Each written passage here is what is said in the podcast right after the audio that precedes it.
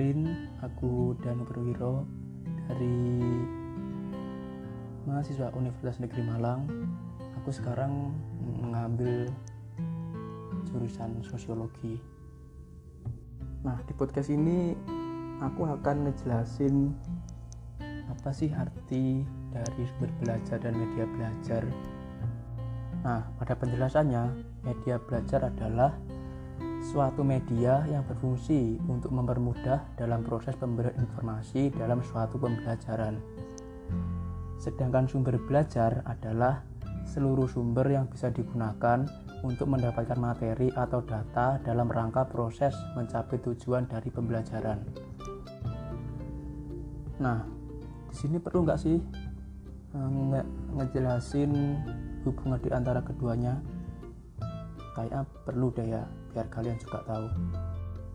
Peran media dan sumber belajar di sini kegunaannya adalah sebagai alat pembelajaran yang memudahkan guru dalam menyampaikan materi kepada siswa dengan harapan dapat meningkatkan hasil belajar siswa.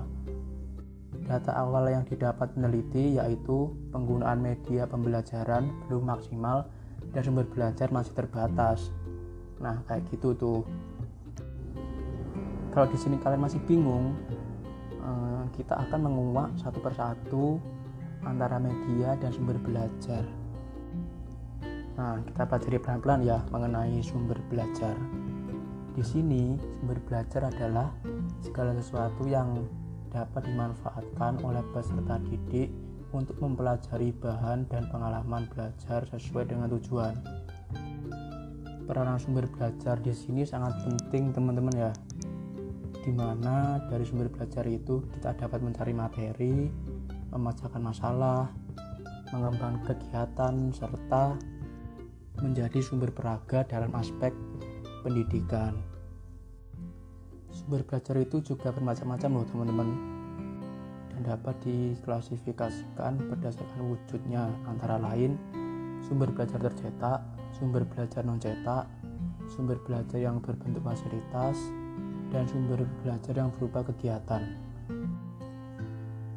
Menurut analisis yang aku dapat, sumber belajar dapat dibedakan menjadi dua, yaitu sumber belajar yang dirancang be designed dan sumber belajar yang tinggal dipakai atau bisa disebut sebagai be utilization.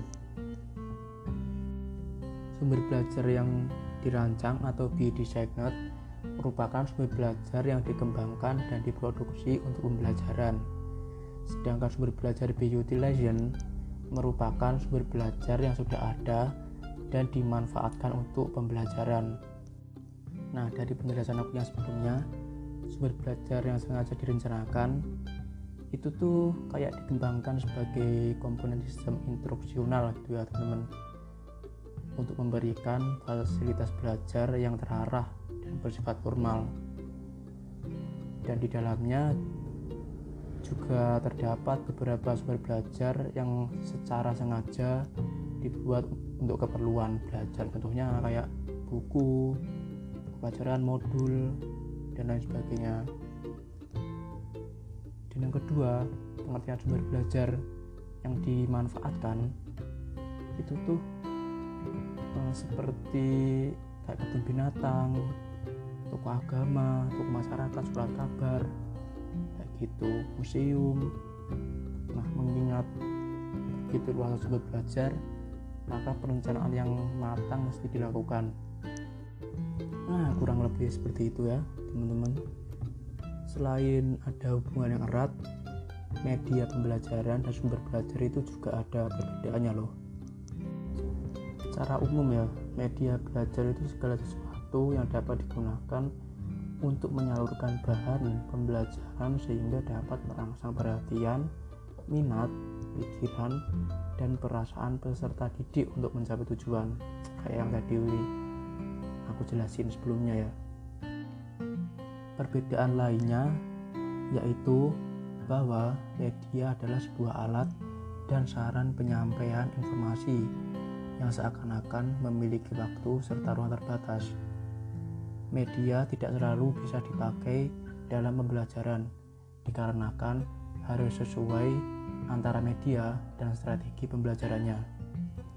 sedangkan sumber belajar memberikan pengetahuan yang luas dan tidak sebagai sarana penyampai tetapi sebagai tempat asal suatu pembelajaran serta bersifat mandiri. Ya, segitu aja sih. Oh ya, untuk media belajar sama sumber belajar di saat ini kayak harus tepat deh untuk mem memilih-milih. Karena di masa pandemi kayak gini kan juga media belajar juga penting kan dibutuhkan. Selain itu juga bisa dibuat motivasi bagi para mahasiswa. Biar mahasiswa belajarnya enak gitu kita juga harus menyiapkan media dasar belajar yang tepat. Tapi aneh juga ya mahasiswa udah semester 3 tapi belum pernah merasakan fasilitas kampus itu gimana ya?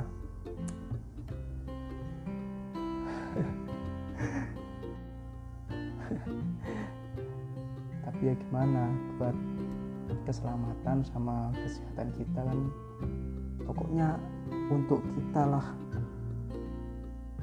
The best. Makasih buat kalian yang dengerin ini. Kalian boleh saran boleh kritik boleh masukan apa pun itu yang bisa membangun podcast aku dan diri aku. Terima kasih. Dadah teman-teman